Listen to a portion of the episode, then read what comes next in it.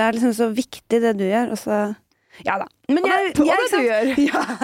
Kultur. Altså, ja, det er faktisk det. Velkommen til Fru Alstad inviterer, en podkast der jeg, Mette Alstad, snakker med interessante og morsomme mennesker, og med meg i dag har jeg en fantastisk person. Psykolog Inge Johanne Rove. Inge Johanne Borch Rove. Mm. Og Borch Rove, faktisk. Oi! Rove er sånn Østfold-varianten, så jeg skjønner Ja. at det er nærliggende siden jeg er fra Østfold, men eh, det er faktisk Rove. Ok. Inge Johanne Borch Rove. Veldig bra. Inge Johanne Borch Rove. Herregud, tenk at jeg fikk vite det nå. Vi har jo kjent hverandre såpass lenge at jeg burde ha visst det. Jeg vet det, men du er sammen med en østfolding, så det, er, det gir mening, på en måte. Ja. Men du, du er psykolog. Det er, Det er du, og det sa jeg riktig. Det, det sa du helt riktig. Og du jobber med barn og unge Mm. i både skolehelsetjenesten og noe som heter Ung Arena. Som er et lavterskeltilbud i kommunen. For ja. ungdommer fra 13 til 25. Ja, så unge voksne også. Ja. Mm. Og det er liksom en stor overgang egentlig fra spesialisthelsetjenesten hvor jeg jobba tidligere. Og Mm. jobba med mer alvorlig syke unge mennesker. Mm. Hvor de har vært innlagt eller vært på akuttmottak. Da. ja, så du jobba før mer på Hva kaller man det? Psykiatrisk avdeling, liksom? Ja. Mm. Ja. Og nå jobber du i det som heter lavterskel samtaletilbud, da. Yes. For å forhindre folk i å havne ja, i beste fall liksom forebygge psykisk uhelse, da. Ja. Mm. Hvordan står det til med unges eh, psykiske helse i dag? Det er jo litt sånn at media de pleier jo å skape et litt sånn eh, dystert og mørkt bilde av eh, unge menneskers psykiske helse. Og da tror jeg det er liksom viktig innledningsvis å si at det er jo sånn at veldig mange barn og unge i Norge har det ganske bra. Mm. Og så er det jo allikevel liksom noen eh, risikofaktorer for psykisk helse som man kjenner til. Eh, og de er jo der. Eh, og det handler jo blant annet om Ungdata, for eksempel. Jeg har jo sett at for eksempel det å være skeiv eller ha en annen seksuell orientering enn he- hetero, Mm. det er fortsatt eh, utfordrende og vanskelig. Blant skeive i aldersgruppa 18 til 24 år så er det over halvparten som sier at de er lite tilfreds med egen psykisk helse, f.eks. Sammenlignet med 34 blant eh, de som ikke er skeive, da. Så det er jo en sånn type utfordring som jeg tror er veldig reell, da. Og veldig interessant, fordi man tenker jo at det å være skeiv er lettere i dag, fordi man ser så mye mer skeiv kultur, både på sosiale medier og i filmer og Og det er det trolig også. Det får vi virkelig håpe. Eh, men det er allikevel sånn også at eh, på en måte eh, det å En stor del av det å være ung handler jo om å på en måte ja, Det er liksom to utviklingsoppgaver, og det ene handler om å finne ut av hvordan man er lik andre. Mm. Eh, og den andre oppgaven er på en måte å finne ut hvordan man er ulik andre. Ja. Og i den prosessen så er det jo på en måte veldig mye som handler om inn- og utgrupper og det å definere andre og seg selv med utgangspunkt i det. Og da er det jo sånn at eh, minoriteter av alle slag på et vis eh, blir sånn skadelidende under det, da. Mm. Tror du em, at man enklere eh, merker at man eksempel er skeiv, da, fordi det også er flere ord for det, og det er et eh, tydeligere uttrykk i samfunnet generelt? Det håper jeg jo. Altså, jeg håper jo at, uh, det, at alle de tingene spiller inn i forhold til at det liksom er større aksept, uh, og at man kan gjenkjenne og ikke minst uh, tørre å liksom omfavne hvem man er, hvor sin egen seksualitet jo er en ganske viktig del av det, da. Mm. Um, så det håper jeg jo virkelig. Så det er liksom Det er på en måte én ting, og så er det jo eh, det å eh, tilhøre en lavinntektsfamilie, Mm. eller oppleve at man er fattig, eksempel. Det er jo en risikofaktor for psykisk helse. Og så er det jo det som handler om eh, mobbing, ensomhet, utenforskap. Um, og så er det jo liksom vold, overgrep, eh, omsorgssvikt. Ja. Ganske, ganske innlysende at det er sånne ting som kan påvirke unges psykiske helse. Ja. Det påvirker jo alles psykiske Ja, ja. helse, men, og det føler jeg den er veldig tydelig. den er ganske tydelig. Eh, og så er det liksom det som handler om skole, da, som også er sånn gjenganger i mye av samtaler jeg har med unge folk. Mm. Eh, enten de studerer eller går på videregående eller ungdomsskole. Og det er jo det at sånn opplevelse av manglende mestring, da. Eh, Ja, rent faglig. Ja, eller sosialt i det hele tatt. Ja. Eh, skolen er en utrolig viktig arena, og det å føle at man eh, på en måte ikke får til ting der, Mm. eh, det tror jeg oppleves som ganske vanskelig, og kanskje særlig i dag hvor det er på en måte ganske sånn prestasjonsfokus. Eh, Ja. og hvor unge selv er veldig opptatt av å gjøre det bra, da. Og da tenker jeg akkurat på hvert fall den biten, så ser jeg for meg at det med sosiale medier er en ganske negativ eh, påvirkning, fordi man eh, så lett kan få inntrykk av hvordan det er. At når du da hele tiden kan havne i et form for ekkokammer hvor du ser Og så lett er det egentlig å prestere, og så eh, lett er det å se eh, venner eller eh, eh, peers, som det heter på engelsk, andre rundt deg, mestre Mm. Så blir det også kanskje enda lettere å sammenligne seg på hvor man er lik og ulik, da. Absolutt. Mm. Det tror jeg du har helt uh, rett i. Og det er en veldig sånn uh, De fleste unge Det er sånn også sånn veldig lett å melde for voksne at de bare kan logges av, eller at uh, det på en måte bare er å ta pauser og det er skadelig og sånn. Men jeg tror for veldig mange unge så er, er ikke det liksom De har ikke egentlig noe ordentlig skjerming mot en sånn konstant eksponering for det. Og det gjør også noe med, hva skal jeg si, nettopp den derre prosessen med å prøve å, å ha felles referanser med andre jevnaldrende og liksom eh, det å følge med og, og høre til. Noe av det blir også litt skadelidende, dessverre, på en måte. Hvis man ikke er på sosiale medier, da, eller bruker det. Du trenger jo ikke være ung for å oppleve det. Det er jo mange som sier at de skal slutte med Facebook og Instagram og fordi de ikke vil støtte Meta som voksne, da. Mm. Eh, men du mister jo nesten hele kontaktnettverket ditt. Ja. Ja. Mm. Jeg føler meg veldig avhengig av å ha de kanalene for å kunne være en del av uh, vennegjengen. Mm. Mm. Så, um, så jeg tenker at um, på mange måter så står det bra til. Eh, men så er det jo liksom Det er jo på en måte noen ting som er litt sånn eh, spesielt med eh, Hva skal jeg si Det å eh, være ung. Og det å jobbe med unge menneskers psykiske eh, helse, på en måte. Mm. Eh, og vi var liksom litt inne på det der med at man har utviklingsoppgaver som er viktige rundt å finne ut av hvem man er og hvem andre er, og hvordan Mm. man passer inn. Eh, men så er det også sånn at eh, på en måte eh, Det er også store forskjeller i hvor godt man klarer å håndtere motstand, og ungdomstiden og det å være ung voksen, det er jo ofte en periode hvor man eh, for første gang opplever at man eh, er litt sånn kastet ut på dypt hav, og man, man opplever motstand uten at man nødvendigvis har samme sånn rigg rundt seg som man hadde som barn, da. Ja. Fordi man både eh, skal oppleve ting på egen hånd, man river seg litt vekk fra Mm. eh, for eksempel foreldre og, og de strukturene man er vant til, og skal bli på en måte et, et helt menneske selv, Mm. men så trenger man egentlig mye av den støtten som man prøver å komme seg vekk fra, da, eller? Mm. Så er det jo sånn der eh, at når vi opplever at ting er ukontrollerbart eller uhåndterlig, Mm. så er det jo også veldig menneskelig at man på en måte prøver å finne strategier for å håndtere det. Og da er det jo gjerne sånn at ungdommer har liksom større risiko på et vis til å liksom eh, utvikle det vi kaller sånn uhensiktsmessige mestringsstrategier. Altså bruke på en måte for eksempel liksom skadelig rusbruk eller selvskading, eh, på en måte um, ting knytta til restriktiv spising, overspising. em, en del sånne ting. Annen type liksom, risikoatferd også, liksom. Eh, som Vet man hvorfor?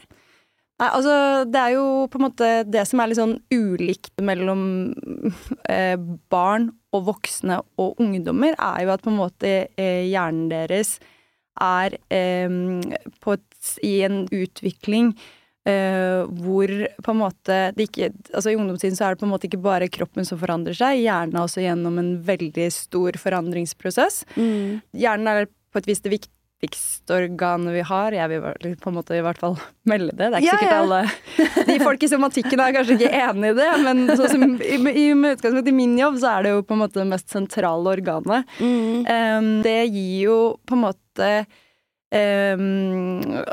unge folk eh, muligheter som ikke voksne har. Eh, men det kan også skape en del trøbbel, da. Mm. Eh, og de mulighetene det gir, er jo på en måte at ungdomshjernen er liksom skapt for eh, læring. Eh, og de koblingene som er på en måte mellom hjernecellene, de lagres fortere enn hos barn og voksne. Hos unge, altså. Ja. Eh, og man trenger ikke like mange repetisjoner for at på en måte koblingen blir sterk, da. Veldig sånn enkelt forklart. Mm. Og det vil jo si at på en måte eh, man er i egentlig den beste perioden eh, for å kunne lære ting raskt, og, og på en måte eh, hjernen er ganske formbar, da. Ja.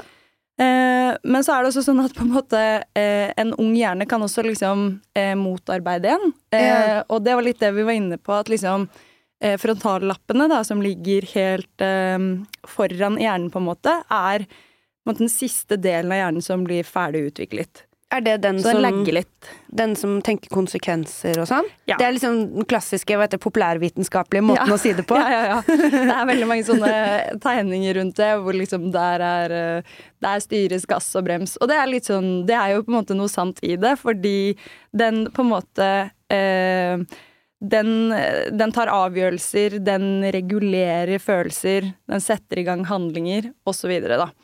Um, så derfor er det jo sånn at uh, i møte med unge folk så er det mye Det er liksom mye følelser i høygir. Mm. Uh, og det blir liksom ofte mye gass og lite brems. Og det er liksom en naturlig del av det å være ung, og Mm. det å på en måte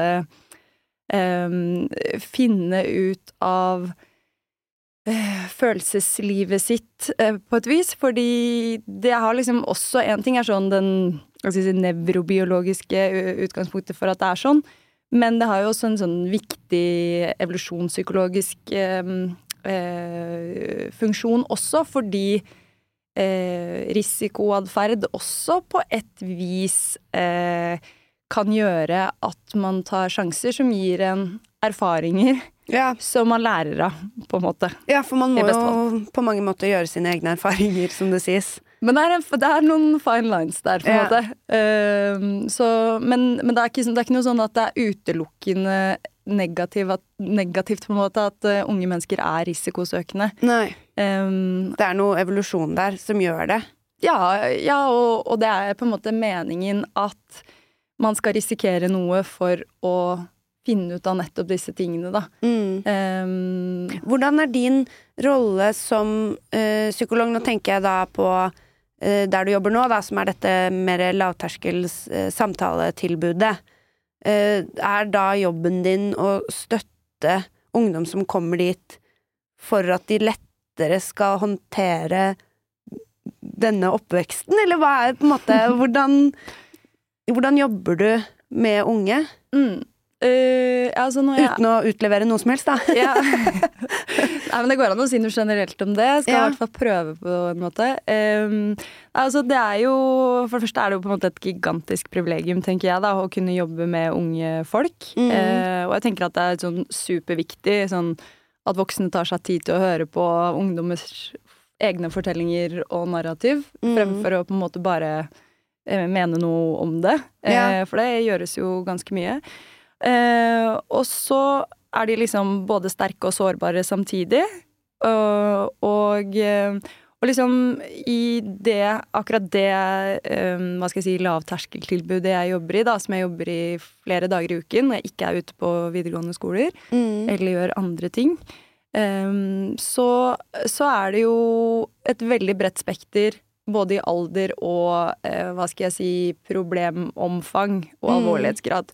Så vi har jo på en måte alt fra akutt kjærlighetssorg hvor det er behov for bare noen samtaler for å få mobilisert noe egenstyrke og tro på at dette kan bli bedre, til på en måte mer omfattende, langvarige vansker hvor man av en eller annen grunn har det ikke har man ikke fått tilstrekkelig behandling, eller venter på behandling, eller trenger henvisning til behandling. Mm. Så jeg vil jo si at uh, det er uh, et veldig bredt spekter av, av ting som, som på en måte kommer innom der. Men det er, det er jo på en måte de Mye av de samme problemstillingene som hvis man tenker sånn normalpsykologisk, da, så er det mange av de samme problemstillingene som voksne kommer med i terapi, vil jeg Mhm. tenke. At det handler om liksom vansker knytta til relasjoner, kjærlighet, seksualitet, Mm. egen identitet, eh, prestasjonskrav, og liksom en Ja, og for mange unge kanskje særlig liksom vanskelige bindinger til foreldre, for eksempel, da. Ja. Eller sosialt. Ja. Mm. Er det um Er sånn Kunne du på en måte Ser du noen gang på deg litt som en sånn form for personlig mentaltrener, hvis du Jo, men skjønner du hva jeg mener?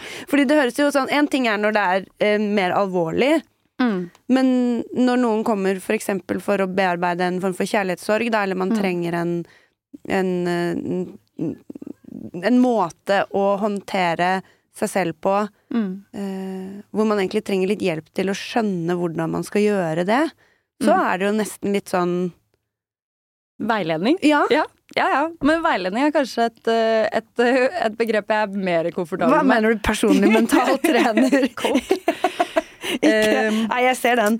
Um, Nei, men det er definitivt Det nivået finnes, liksom, og det kan være kjempeviktig. Og sånn når det gjelder et forebyggende perspektiv, så kan det være superviktig. mm, Og noen ganger tenker jeg også at noe av det jeg gjør, egentlig bare er å løfte fram ting som unge folk har i seg selv, ja. men som de har glemt litt at de har, eller som på en måte ligger latent, eller som de ikke klarer å se helt at eh, situasjonen kan mm, på en måte frembringe, da. Mm, Um, og det handler om at mange ikke har så mye erfaring ennå med hva skal jeg si, å håndtere eh, ting som oppleves som uhåndterbart. Da. ja. Um, Har du eksempler sånn um, Bare hva, hva er typisk liksom opplevelse? Er det sterke følelser, eller er det konkrete opplevelser? Kan det være liksom at man opplever dødsfall for første gang, eller ja. eh, Eh, det kan jo egentlig være alle de tingene der, men jeg tenker at eh, for eksempel eh, det som handler om eh, å em, tap av noe slag, da. Enten det er av en kjæreste, en venn, eller liksom, ja, som du sier, dødsfall og sånne ting. Det er jo typ et eksempel på noe som i veldig stor grad påvirker hvordan man har det, på en måte, og det kan jo føre til liksom et hav av liksom, eh, hva skal jeg si, symptomer på et vis. mm, Eh, men da er det jo viktig også å huske at på en måte det er også eh, kroppen og hjernens måte å reagere på noe som er skikkelig vondt. Men det betyr jo ikke at man er syk, på en måte. Og det betyr ikke at det ikke kommer til å gå over. Men det betyr kanskje at man må ha litt hjelp til å mm, komme seg gjennom det på Mm. en bra måte, uten å skade seg selv for mye. Ja. Hvordan er det eh, Har dere statistikk på bruk av psykologtjenester i nyere år? Er det noe forskjell på bruk av det eh, fra tidligere til nå? Er det liksom, brukes det mer? Er det Altså det er jo hvert fall Jeg skal være litt forsiktig med å uttale meg om det, da, men det er jo i hvert fall økt pågang i på en måte psykiatrien og i lavterskeltilbud, og det etterspørres jo, spørres jo veldig, bare at jeg er psykolog ute på skole, videregående skole eksempel, og blir brukt mye der, mm, sier jo noe om at det er liksom en generell økning i eh, hva skal jeg si, samfunnets fokus på eh, viktigheten av eh, psykisk helse, men også psykiske vansker, da. Og der Mm. er det jo der er det jo noe Det er på en måte litt på godt og vondt, da, tenker jeg. Det er noen, eh, det er noen farer knytta til det òg. Ja, at man Mm. bruker psykolog mye? Eller Ja, eller kanskje liksom eh, mer at, eh, at hvis det blir for mye fokus, og det er kanskje noe som jeg tenker er særlig liksom sårbart med unge folk, da. At Mm. hvis man Hvis liksom eh, symptomene får for mye plass, eh, og det blir en veldig stor del av identiteten til en, et ungt menneske, på en måte, eller et barn, så kan jo det ta fra, sånn som jeg ser det, da, i hvert fall ta fra noe av fokuset rundt det som er hva skal jeg si, normal ungdomstid eller en, en normal eh, utvikling på et vis. Da, At Mm. man får ikke helt den plassen man trenger eh, til å finne ut av hvem man er, da. Og det er jo litt alvorlig. Ja, eh, typ sånn Jeg fikk ADHD i voksen alder. Mm. Em, så Det føles jo litt sånn vanskelig å vite hva som er eh, symptomer på en diagnose, og hva som er personlighet, Ja. på en måte. og det er jo glidende overganger der. Absolutt. Men, Men det er sammenblanding som regel. ja, Mm. men er det litt sånn, på en måte, at noen ganger at det kan være vanskelig å um, Hvis man får en eller annen form for diagnose, eller Mm. har et uh, annet type hva, hva har man liksom? En psykisk utfordring. At uh, det ikke er så godt å vite hva som er personligheten, og hva som er Mm. Ja, det er vel kanskje litt det jeg mener. Og så er det sånn Jeg syns det er også litt eh, Det er bare min mening, da, men jeg syns det er litt forskjell på ulike diagnoser òg. Fordi på en måte mm, masse fokus rundt diagnoser som handler om hva skal jeg si, sånn lettere til moderate former for angst og depresjon. I seg selv så sier jo ikke det så veldig mye, på en måte. Nei. Eh, men mens på en måte, hva skal jeg si Du nevner jo ADHD, da, og, og det og andre nevroutviklingsforstyrrelser. Da er det jo um, Da er det jo på en måte um, noe som ofte er litt sånn konkret funksjonsnedsettende på et vis, Mm. og hvor en utredning og en diagnose, da, på en måte, i beste fall, så lenge det har en funksjon, på et vis, Mm. um, det kan jo gjøre at riktige og viktige tiltak blir iverksatt, da. Ja. Og ikke minst at man forstår hvordan man selv fungerer. Mm. Eh, og, og det er liksom de positive sidene ved det. Og så er liksom de farene, de handler vel mer om at hvis det blir en slags sånn mm, forklaringsmodell på alt man er, eller alt man gjør, eh, så blir liksom det en forenkling, da, på en Ja. måte. Mm. ja. Når man i hermetegn bruker det som en krykke, Ja. som, som ofte dine ord, men ja. Ja, ja, men det, er, det føler jeg er det som man eh, Ikke at eh, psykologer sier det nødvendigvis, men at det er litt eh, den um, rollen det får, da. At det er sånn nå må du huske på at uh, diagnosen din er ikke Mm. en unnskyldning, det er en forklaring, på en Mm. måte. Som jo er litt irriterende å høre òg, da. Selvfølgelig. Ja. Fra en som har en diagnose. Det vil jeg tro, men det er jo på en måte Og grunnen til at man kanskje tviholder litt på det, eller at eh, psykologer og folk som setter diagnoser, tviholder litt på det, er jo fordi at det er jo? Diagnoser er jo på en måte en samling av symptomer og en beskrivelse av det. på Mm. en måte. Og, og det vet vi jo at kan endre seg. Altså uttrykket av symptomer, eller hvordan symptomer kommer til uttrykk, det kan endre seg. Det er mange faktorer som spiller inn. Og det er derfor jeg mener at um, det gir også mening at en del får diagnosen f.eks. ADHD i litt Altså etter at de er ferdig med liksom det som er mest, mest sånn teen, pubertet, Ja.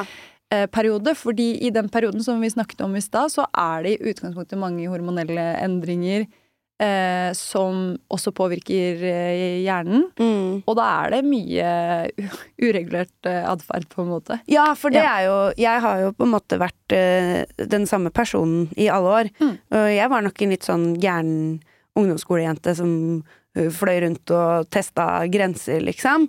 Em, men det sa jo min psykiater når jeg eh, tok faktisk eh, utredning, så sa jo han det det å eh, ha eh, dia eh, diagnosen ADHD, for eksempel, det er jo ikke noe som har noe verdi eh, ved mindre man ser at det går utover hverdagslivet, da.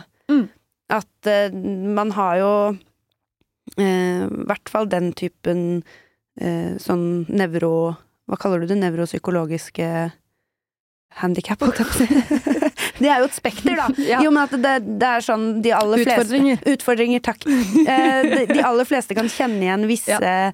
eh, problemer man kan ha, da, sånn for eksempel følelsesmessig regulering, eller glemme ting, eller være dårlig til å em, planlegge, videre. Mm. Men det er først når det blir eh, såpass mye at det begynner å være vanskelig å bare ha en, kall det normal hverdag, Mm. at det har noe som helst form for verdi å sette en eller annen diagnose på det, da. Mm. Hva tenker du, er det en, for mye, for lite, nok diagnosesetting i Norge i dag?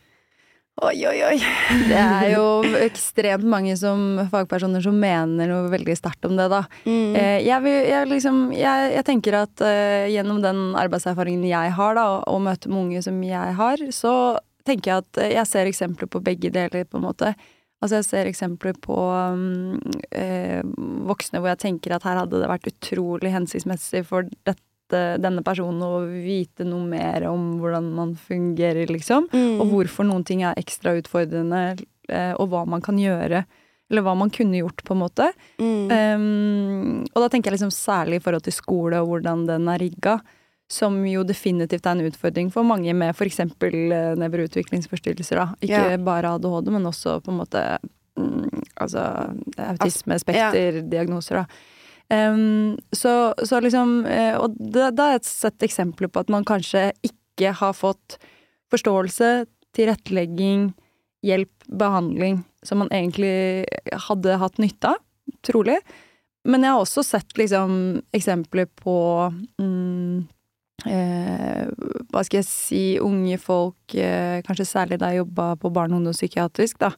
Eh, som på en måte eh, får diagnoser, eller hvor det blir et veldig stort diagnosefokus uten at det nødvendigvis hjelper dem så mye med det som er kjernen i problematikken sin, da. Men hvor det mer kanskje mm, er en form for forklaringsmodell eh, for foreldre eller folk rundt, da. At det er Mm. mer de som ønsker en slags begrunnelse eller forståelse over atferden de ser, eller vanskene de ser, eller utfordringene de ser. Og så er det på en måte eh, for barnet eller den ungdommen egentlig litt fremmedgjørende, det hele, på en Ja. måte. Ja. At de rett og slett ikke egentlig får noe bedre eh, opplevelse av livet sitt, de, de det gjelder, Mm. mens de rundt får en grunn til å kunne si ja, men det er derfor du Ja. utagerer, eller Og det det kan jo være viktig, det. Altså, det kan være viktig, fordi veldig mye av på en måte hvordan vi har det og sånn, er jo knytta til hvordan andre oppfører seg mot oss og responderer. Så det Mm. kan være kjempeviktig, men det bør være en, hva skal jeg si, en, en verdi og en funksjon ved det å få en diagnose, da, Ja. tenker jeg.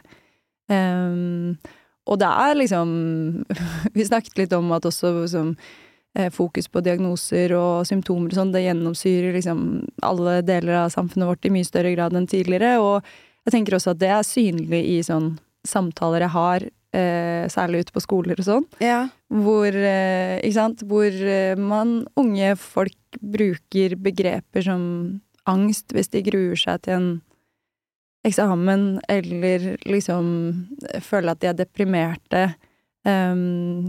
fordi de ikke har hatt overskudd til å gå ut mer enn to dager i uka. Altså sånn hvor, det, hvor på en måte jeg må hjelpe de litt, eh, føler jeg, til Ja. å Normalisere, rett og slett. Absolutt. Jeg tenker en veldig stor del av det jeg holder på med, handler om, egentlig om å normalisere veldig mange av tingene de opplever. Og Ja. det betyr ikke at ikke det er vanskelig eller utfordrende, eller at man strever. Mm. Men det betyr ikke at man er liksom Det behøver ikke handle om patologi, eller at man er syk, da. Hvor kommer det fra, da? Tror du? Nei, altså det er jo det, på en måte, det er mange ting som har bidratt til det, men jeg, det er jo også Det er jo veldig mye sånn Du var inne på det i stad, med, sånn, med sosiale medier og eksponering og sånn, og det er jo for det, og det er jo veldig mange som på en måte ikke er fagpersoner som Um, Jeg så nå nylig at det var en sånn TikTok-profil som hadde sånn derre Svar på disse ti spørsmålene, så kan du vite om du har den og den diagnosen. Ja. Og det er jo sånne ting som gjør at når det er sånn Når mange kanaler, og det er liksom generelt et økt fokus på eh, psykisk helse, så har det sine positive sider, på en måte. Hvor man senker terskelen for det å si at man strever og sånt, som er veldig bra. Mm. Eh, men så har det liksom noen farer ved seg ved at det blir Hva skal jeg si At det ikke lenger eh, på en måte Hvis man kaller det å grue seg til en prøve på en måte for alvorlig angst, Ja. så vet jo jeg hvordan noen som har alvorlig angst, på en måte fungerer. ja. Og det, de fungerer ikke sånn. Nei. Så da snakker man på en måte om litt forskjellige ting. Og da tror jeg det fins mange andre begreper unge kan bruke eller andre beskrivelser de kan bruke uh, for det de føler. Mm. Uh, og veldig mye er jo Altså det, vet, det, altså det vet vi jo at det er jo på en måte Det er deler av livet som er beintøft, liksom. Og man er ofte i situasjoner hvor man blir utfordra, og det er på en måte litt sånn Det er litt sånn uunngåelig del av det å være menneske, da. Ja. Ja, virkelig. Eh, jeg må bare jeg, må, jeg blir bare så stressa, for jeg ser at lyden er der, men jeg må bare sjekke at vi Gjør det. Nå som jeg hører at det kommer folk. Jeg har allerede dumma meg ut en gang. Så jeg må At det liksom, når vi snakker Hei! Halla! Det er ikke en ikke som helst gjest du har i dag. Nei. Det er ikke en hvilken som helst gjest. Da Sitter vi og snakker om reguleringsvansker, vet du. Ja. Reguler- dere har de retteste tennene. Jeg skal fortelle noe. Jeg, jeg fikk ikke regulering. Og jeg ville Nei, nei, barn. min venn. Reguleringsvansker. Oh, ja, som i nevro. Ah, ordner alt selv, så blir jeg så stressa for at det i det hele tatt skal um, Ja. I stad så intervjuet jeg Ayla, og så hadde jeg ikke satt på record. Ja, nei, men det gode huskeregler er hvis det er rødt der, rødt der, Ja, og rødt der og rødt der, ja. så er det, er Så er det good. Ja, rødt er bra. Rødt er bra. ja, rødt er bra. rødt Min hjerne tenker at rødt er Negativt, bad. ja. Nei, rødt da må du være skjerpa. okay. Det det.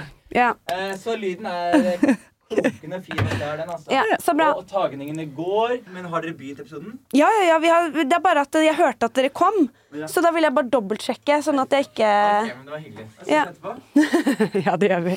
Ha det, Jonis. Nei, jeg må bare når Jeg, jeg, jeg syns det er forferdelig å drive og ta opp selv. Jeg syns du Eh, er kjempelenge. jeg. takk. Men det er jo ADHD-en, da. Ja, for det her er sånn, det, dette er litt sånn eksempel på tenker jeg sånn, eh, Nå skal ikke vi det, Dette blir ikke noe Det er jo også eksempler på ADHD. Ja. Dette er eksempel på ADHD. Jeg glemte glemt telefonen. Det var bra. Ja. Eh, nei, men jo, men ikke sant. For nå, det der, det der med å forsikre seg om at man eh, Jeg tenker jo egentlig så, så har du jo gjort alt riktig her. yeah. Men skal du bare ha en liten sånn forsikring? Yeah. For det er noe sånn usikkerhet i deg rundt at liksom sånn Ja. Det er jo eh, gjentatte opplevelser av at jeg gjør bitte litt feil hele tiden. Sånn at det er liksom Det er nesten bra. Men eh, apropos liksom unnskylde alt ned til en diagnose videre, da. Men det har jeg jo i hvert fall lest om ADHD, at det handler jo om den eh, frykten for å gjøre noe feil. Mm. Og frykten for å bli avvist, da, som Mm. kanskje ligger i bunn. Mm. Som jo i hvert fall ofte er litt sterkere hos mange med eh, ADHD. At det er en sånn eh, opplevelse av at hvis jeg gjør noe feil, så klarer jeg ikke alltid å skille det Mm. eh, vekk fra meg som person. At jeg går veldig fort i tanken om at da er jeg feil. Mm. Um, så det er jo det det handler om. At det, det, det er liksom en sånn eh, Hvis jeg tenker rasjonelt på det, så tenker jeg sånn Det verste som skjer, er at vi spiller inn denne episoden, og så er det ikke tatt opp. det er liksom det aller Det er det aller verste som skjer. Og, og det hadde jo gått bra. Det, jeg vet det. Det hadde gått helt fint. Men frykten for at det skal skje, er allikevel Mm. Den overvinner på en måte rasjonaliteten i at det ikke gjør noe. Mm. Um, og jeg kan ikke forklare det noe noe liksom, Jeg kan ikke forklare det emosjonelt. Jeg kan bare forklare det intellektuelt. Og Mm. så sitter den uh, frykten i kroppen, da. Som Mm. gjør at jeg må dobbeltsjekke og trippelsjekke. Og hvis jeg er alene Så når jeg, jeg, når jeg tar opp denne episoden, og så skal uh, eksportere den, så ringer jeg også til han som styrer studio og sier du, nå gjør jeg dette, har jeg gjort det riktig? Nå jeg trykker på disse og disse knappene. Og så sier han ja, det har du. Og da er jeg trygg. Ja. Men Mm. når jeg bare gjør det alene, så føler jeg sånn mm, Did I do? Så du, du har kanskje egentlig større grunn til å stole på deg selv enn det du opplever selv. Ja. Det er vel egentlig det du sier. Ja. Mm. Absolutt. Og, det har du trolig òg. ja, Ja. ja, men også har jeg også um, Jeg har fortsatt igjen å lære det som uh, så um, flåsete heter uh, selvomsorg. Og det å liksom ta Ta og være snill med meg selv når jeg eventuelt da gjør noe feil. Mm. Synonym til det selvivaretagelse. Ja, Mm. Et ord jeg bruker mye. ja. Mm. Fordi i min verden så er det eh, egoisme. Ja, selvivaretagelse. Så det er det jeg driver og lærer eh, som voksen. Mm. er jo det at med en gang jeg skal på en måte passe på meg selv, eller tenke ja, være snill med meg selv, så tenker jeg Nå er jeg egoistisk, for nå tenker jeg bare på meg selv. Skjønner. Mm. Mm. Men det er jo det er viktig at du er bevisst på det, da, for det er jo ganske, det er ganske viktig, på en måte, det med selvivaretakelse. Ja. Eh, Ja, mm. Og vi kan snakke om det, men det er, det er helt sjukt. Fordi det er akkurat som jeg har et filter som er sånn Ja, jeg vet at dette er viktig, men det, men det, det er akkurat som det også på en måte bare blåser forbi, Mm. og så fortsetter jeg å være slem med meg selv Ja. inni meg. Og så jobber jeg jo med det, men det er veldig, veldig rart hvor um, Hvordan den mekanismen etter så mange år liksom bare Den er så automatisert, da. Mm. At jeg vet at det er for dumt. Og jeg vet at eh, jeg må være snillere med meg selv, fordi også de tingene som jeg er streng med meg selv på, som for eksempel å ta opp denne episoden, eh, det er så tullete å Mm. bruke energi på den måten.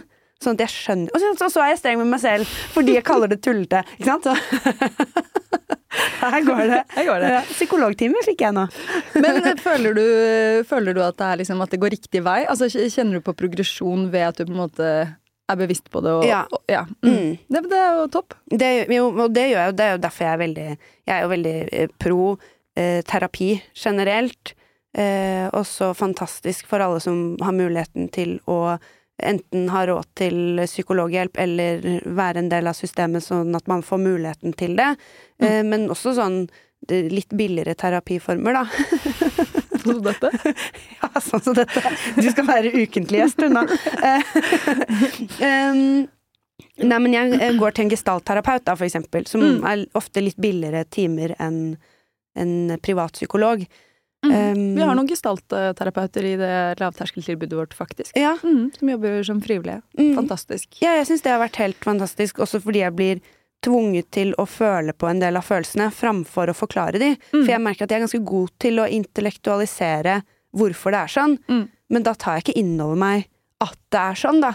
Så det jeg jobber veldig aktivt med, er jo den å internalisere at jeg skal være snill med meg selv, og ikke Mm. bare si at jeg skal være det. Mm, det er en forsvarsmekanisme, vet du. Ja. Du vet det? Ja, det å være slem? Nei, nei, ja. Ja. nei, altså liksom intellektualisere i terapi, på en måte. Ja, Ja.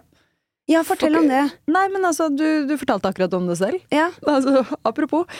Nei, men altså, det å på en måte eh, snakke om det ehm, på en måte hvor det er en form for avstand, men ikke liksom ta det inn over seg og kjenne på det. Ja. At den avstanden, i det så ligger det Det er jo på en måte per deff en, ehm, en eh, forsvarsmekanisme. Mm. Men det tok meg veldig mange år eh, å skjønne. Jeg trodde jeg var kjempegod jeg, til å håndtere følelser. Fordi du kunne snakke om dem. Mm. Mm. Og fordi jeg følte at jeg hadde eh, veldig god eh, nyansering av følelsene mine. Mm. At jeg kunne forskjellen på å være sint eller irritert eller eh, sjalu eller mistroisk, da. At jeg visste alle de forskjellige følelsene, men jeg har på en måte egentlig aldri håndtert de. Mm. Jeg har bare vært veldig god til å prate om de i veldig mange år. Men det er også viktig. Det, altså, det, er, eh, det er jo på en måte første steg. Jeg tenker på sånn veldig mange unge menn jeg møter, for eksempel, som har gått lenge uten å få hjelp, som kanskje har trengt det. Mm. Som kanskje gjelder i større grad enn for jenter. At det er mange unge gutter jeg møter som har med mer alvorlig symptomatikk, som, som ikke har vært i kontakt med noen, på en måte. Mm. Mange av de, eh, da må vi liksom starte der. Og det er ikke nødvendigvis en eh, kort prosess. Det å på en måte benevne, differensiere, eh, kjenne etter på en måte, og klare å si 'dette er den følelsen, og dette er den følelsen'. Ja. Nå har jeg det sånn, mm, på en måte. Men det er jo Ja, det er forskjell på å snakke om det, benevne det, og det å kjenne etter og jobbe med det. Mm. Mm. Ja, og det å um, ta inn over seg hva det gjør med en, da. Mm. Um, for det er jo litt det Igjen tilbake til det med selv... eh, hva kalte du det? Selv... Jeg kaller det selvomsorg. Du Ja, kalte det selvivaretakelse. selvivaretagelse. Ja. Mm. Um, og um, være Altså bare det å være like snill med seg selv som man er med vennene sine eller familien sin, da. Mm. Det, hvorfor er det så vanskelig? Vet du det? I- Altså, det tror jeg kan være litt sånn ulikt hvorfor det er så vanskelig for den enkelte, men vi er jo på en måte Altså, de aller fleste har vel en grad av sånn å være selvkritisk på et vis. Og så er det jo noen sånn personlighetstrekk som eh, hva skal jeg si, gjør at man kanskje er mer eller, eller i større eller mindre grad eh, selvkritiske eller nevrotiske eller engstelige eller altså sånn um, eh, Altså for eksempel liksom å være veldig empatisk, for eksempel. Mm. I utgangspunktet en veldig bra ting. Men hvis ikke man har noen form for beskyttelse rundt seg selv, eh, og, og det går utover grenser, på en måte, eh, og man ikke klarer helt å etablere det, så kan jo det være noe som er ganske sånn kjipt, Mm. på en måte. Så alle, jeg tenker liksom alle personlighetstrekk som utgjør litt hvem man er, da, de, de har en slagside, da, på en måte. Ja. Ehm, og, og det er liksom ehm, men, jeg, men jeg tror at eh, mye av det som gjør at vi er selvkritiske, handler om at vi er så opptatt av hva andre syns, på en måte, og hva andre tenker, og hvordan vi er sammenlignet med andre. Og det er jo igjen et veldig sånn Det er en veldig stor del av det å være menneske, på en måte. ja. Altså avvisning er jo Altså evolusjonshistorien viser jo at det er på en måte kroppen vår, selv om det er litt rart å tenke på, og skal jeg ikke høre liksom dypt inn i evolusjonspsykologien, for der vil jeg ikke være, men, men måte kroppen vår husker jo med mange år med evolusjon, på en måte, Ja. eh, tusenvis av år, at på en måte det å være innenfor eller utenfor, på en måte, det kan være ensbetydende med liv og død, da Ja. på et vis. Um, og det er så sterkt, det på en måte Det behovet for um, meningsfull sosial eh, samhandling og tilhørighet, da. Mm. Og det ser jeg også med mange unge som får det ordentlig vanskelig. Det å på en måte um, ikke ha eh, nok eh, meningsfull interaksjon med andre mennesker.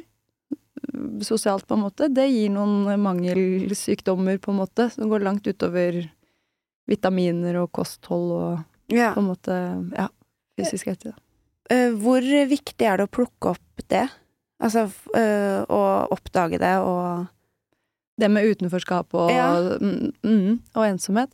Altså, det er jo utrolig viktig, fordi det er jo en veldig sånn for mange en Hvis man først får en opplevelse av at man har falt utenfor eller ikke er en del av et fellesskap, eller på en måte er avvist, eh, så er man jo alene, på en måte.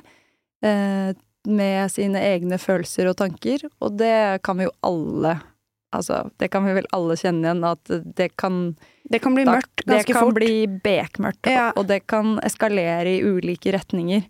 Eh, og så er det selvfølgelig forskjeller på hvor godt man håndterer det, men det er jo en grunn til at på en måte hva skal jeg si, sosial isolasjon er en form for tortur på et vis. Mm. Eh, og at det er noe man liksom for eksempel i reality-konsepter og sånn bruker for å sette folk ut av spill. Ja. Fordi det er Det rokker ved noe så grunnleggende, på en måte. Um, og det er jo sånn Han eh, Per Fugelli som sa liksom at uh, at det det dypt sett handler om, er liksom eh, ja, to, to belong or not to belong. Mm. At det er det det egentlig handler om, da, for mennesket. Ja. Mm. At så mye av vår eksistens på et vis liksom er knytta til det. ja. Vi er ikke ensomme skapninger. Vi skal være i en flokk. Ja, og den flokken trenger ikke alltid å være eh, så stor, og det er også noe jeg prøver å snakke med unge folk om. Eh, fordi man tenker at man må ha en kjempevennegjeng, men egentlig så viser liksom forskning og sånn at mm, noen, bare noen som er nære, som jeg, som jeg pleier å si til mange unge, sånn heller få nære som man kan stole på, og som eh, er god støtte, Mm. enn på en måte mange veldig diffuse eller utrygge vennerelasjoner. Ja. Men det der er jo også en prosess på en måte man er igjennom både som ung og som voksen. Det der med å ja, finne ut av hvem man trives med, og i hvilket antall Ja. mennesker man trives. Da. Der er jo folk utrolig forskjellige. Mm. Så det er, jeg tenker at bare sånn Når man snakker om sosial støtte, sosialt fellesskap, det å være innenfor og sånn, så betyr ikke det betyr ikke at man må være på Abus på Oslo Handelsgym, eller at man på en måte må ha den største venninnegjengen, på en måte. Men det betyr bare at man føler seg som en del av noe større og noe betydningsfullt, Mm. og at man har noen form for ja, meningsfull eh, samhandling med andre, da. Yeah. Fordi det er utrolig viktig i det å jeg vet ikke, både finne ut av hvem man er, men også få bekreftelse på de tingene som er bra ved en selv, da. Mm. Og det er jo med på å dempe, liksom, ja, men det du var inne på i stad, sånn med å være selvkritisk og, og sånn. Og, og jeg tror sånn Hvis man eh, Hvis man er mye i kontakt med andre mennesker, så ser man jo også at de aller fleste har jo eh, en del utfordringer. Ja. Ehm, og du sa i stad at du var liksom tilhenger av terapi, og det er jo jeg også. Også for egen del. Ikke sant? Det er jo ikke sånn at man Altså det er liksom mange unge jeg snakker med som opplever sånn at eh, psykologer som uttaler seg i media, eller liksom eh, i NRK, sånn eksperter, middelaldrende folk eh, Ja. som de refererer til, har en veldig sånn ovenfra-ned-type måte å snakke om eh, ting på.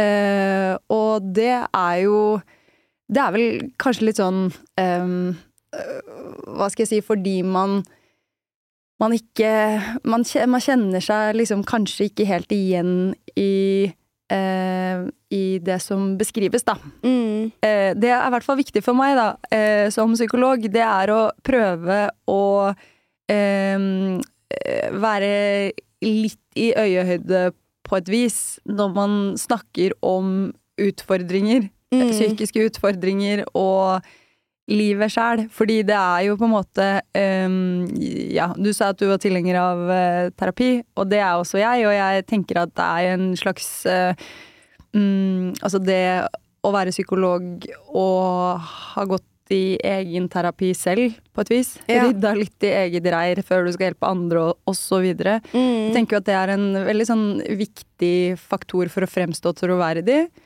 men også liksom en forutsetning for å bli en på en måte en skikkelig god psykolog, da, fordi mm, unge mennesker i hvert fall gjennomskuer på en måte deg ganske lett hvis Ja. du ikke hvis du ikke kjenner det noe sted i kroppen, Ja. det de forteller. Hvis ikke det er noe du klarer å få mobilisert av en form for egen erfaring. Og jeg sier ikke at man skal bruke egne erfaringer aktivt i terapi i det hele tatt, men det derre å ha kjent på noen ting selv, Mm. Og vite på en måte hvordan man selv også i perioder, gitt visse omstendigheter, eh, og ting man ikke har kontroll over, kan kjenne på en- del av de samme følelsene, Ja. og at det kan være problematisk. Det tror jeg er en viktig erkjennelse. Man er jo ganske sårbar i den Ekstremt. situasjonen. Mm. Så hvis man da eh, på et vis føler at eh, den som du snakker til, ikke klarer å eh, bry seg, eller tenker at du burde hatt større problemer før du Mm. kom, eller sånn, så er jo det ganske alvorlig, egentlig. Mm. Ja, jeg tenker at det er liksom eh, Det er eh, utrolig viktig å bli møtt med åpenhet og nysgjerrighet, eh, på en måte, og, og at man fremstår som troverdig, da. Og det er jo på en måte Jeg tror de aller fleste psykologer eh, klarer det, men det er jo, det er jo sånn hvis, hvis avstanden også blir for stor Jeg tror det er noe av det som mange unge jeg vet ikke, jeg som, Når jeg møter en del unge, så, så er de liksom De er ikke helt forberedt på at, har, at jeg har noe innsikt i deres eh, referanser, eller Altså, det er jo mye sånn I samtale med unge mennesker så er det jo også mye sånn derre eh, populærkulturelle Ja. referanser og ting som de er opptatt av, ikke sant, som um, som de kanskje har seg som bilde av at uh, At hvis de har et bilde av at en psykolog er sånn og sånn, så kan de bli liksom overrasket over at uh, at uh, man kanskje deler noen av de referansene, da. Mm. Og det er, kan i beste fall være en liksom god inngang, da, til å komme i dialog. Ja. Være litt opptatt av det de er opptatt av, da. ja. Fordi jeg er jo så vidt på TikTok. Ja. Brukte veldig lang tid på å komme dit. Åssen går det, da? Ja, det, det går helt greit, Mm. men jeg liker det jo bedre og bedre jo, jo mer jeg er der, selv om det selvfølgelig også er en brutal plass, fordi folk sier akkurat hva de mener hele tiden, og ikke bare hva de mener, men de troller mye da, i kommentarfelt og sånn. Mm. Men ehm, jo mer jeg på en måte utforsker det, jo mer skjønner jeg hvor lite jeg skjønner av det. Og hvor mange referanser og trender og alt mulig som bare flyr rundt der, som jeg ikke er på i det hele tatt. Jeg er veldig jeg bruker det jo mest av alt som en publiseringskanal, da. Mm. Eh, og så kikker jeg litt, men, men veldig mange av det vi kaller tiktokere i Norge i dag, har jo et helt annet formspråk, og de, de har et community som jeg ikke er en del av i det hele tatt, som er utrolig fascinerende å se på, og jeg skjønner jo hvor stor del eh, det er av særlig unge menneskers liv, da. Å være eh, nesten like mye der som man er eh, sosial Ja, i rommet, liksom. Mm. Og mm, eh, jeg tenker jo det å, å være voksen og si Ja, man trenger kanskje ikke være der og aktivt legge ut ting og sånn, men, men bare det å sette seg inn i og forstå hvordan eh, for eksempel den kanalen fungerer, Mm. tror jeg kan være veldig lurt, da, som Absolutt. voksen. Mm. Og der tenker jeg sånn i forlengelse av at man ønsker å være på de arenaene på en måte unge mennesker er, da. Så er, er man jo på en måte også kanskje nødt til å ha noe innsikt, eller det kan være en fordel i hvert fall, i hvilke plattformer de uttrykker seg på, og hva de konsumerer, på en måte, da. Mm. Um, og jeg tenker sånn på, på den ene Altså på Jeg har jo jodel, liksom, og det Ja. føler jeg er Det er noen ganger for å egentlig bare få med meg ting som Altså ting som løftes opp på skolene jeg er på, for eksempel, som Mm. omfatter masse elever, og som egentlig er en eh, Hva skal jeg si sånn elevsaker som utspiller seg på skolen, på en måte. Men det er Fordi- der man får informasjon om det. Ja, det fordi hvordan litt- funker jodel sånn? Jeg har jo jodel, men jeg bruker den jo bare på sånn kjendisgossip. Ja, ikke sant? Så du har customisa den til ditt bruk. Ja. Mens jeg bruker den på en måte bare knytta til Men har for eksempel egne skoler egne kanaler, da? Sånn at Mm. Ja. der er det litt sånn sladresider? Ja, mye Dessverre liksom mye drittslenging og Ja. Er, det, er det blitt verre, eller er det Det fremstår kanskje litt eh, grovere enn det det var liksom når vi var altså, Ja, det gjør det. Ja, jeg føler det. Ja. I hvert fall eh, en del eksempler på det, hvor det er liksom ganske krenkende atferd, på en Oi. måte. Ja, Men har det da med eksempel at man tar bilder av folk uten at de vet om det og sånn? for eksempel. Ja. Ja. Videoer og mm. ja, så det er ganske Det er jo utleverende, på en måte. Ja. Um, mm. Og så er det unge hjerner som ikke helt skjønner hvor alvorlig det de gjør er, da. Til en viss grad. Ja, det, jo, det gjelder jo for så vidt voksne òg. Altså at man kan legge ut ting som, uten å tenke på konsekvensen av det. Men uh, jeg, jeg tror også en del ting skjer i, på impuls, ja. Ja. Mm. Hva har, hva, hva, hvordan utarter det seg sånn uh, i terapirommet, da? Hva er liksom utfordringene du møter Mm. som psykolog med å håndtere akkurat Knytta til det. Ja. Um, ja, det er jo mange deler ved det som unge syns er utfordrende, da. Men, men hvis det er de selv som på en måte er eksponert eller utlevert i en eller annen form, uh, så er det jo på en måte det ekstremt belastende fordi det da når ut til så mange på et vis, og liksom det med å få stempel eller å bli liksom oppfattet på en viss måte og vite at andre vet og sånn, det er jo utrolig ubehagelig. Mm. Um, så det er jo sånne ting som uh, på en måte ja, går, kan gå utover liksom søvn, og at man kan bli engstelig, og at man kan liksom um, anta Begynne å anta det verste i situasjoner og tolke ting veldig negativt. Og det er jo veldig kjipt, på en måte. Mm. Um, så, og så er det jo også faktisk sånn Jeg sa vel det i stad, på en måte at jeg føler at en del unge folk sånn, har litt sånn ufortjent dårlig rykte, på en måte. Hvis man tenker hva som, hva som blir skrevet om dem, da. Mm. Uh, hvordan narrativet er om unge folk. Um, men jeg snakker jo også med en del folk som nettopp um, på en måte uh, snakker om den På en måte det som foregår for eksempel på Jodel eller på en del sosial, andre sosiale medier, hvor som noe negativt, noe de ønsker å begrense bruken av, men syns er vanskelig, da. Um, som definitivt reagerer på ting, både som de ser på TikTok, eller som folk skriver på Jodel, eller Så det er også Det er ikke bare sånn at eh, på en måte Nei, fordi du kan jo ikke På en måte så er det Det er ikke kanaler du kan slette selv og ikke være en del av, for du kan jo fortsatt bli utlevert, eller da er det Det verste som skjer, er at du kanskje da ikke engang får med deg at du blir snakket om, da. Mm. Sånn at eh, det er en veldig vanskelig måte å, å Altså, det er vanskelig å gå ut helt av det, Mm. fordi du kan ikke egentlig kontrollere hva som foregår der inne.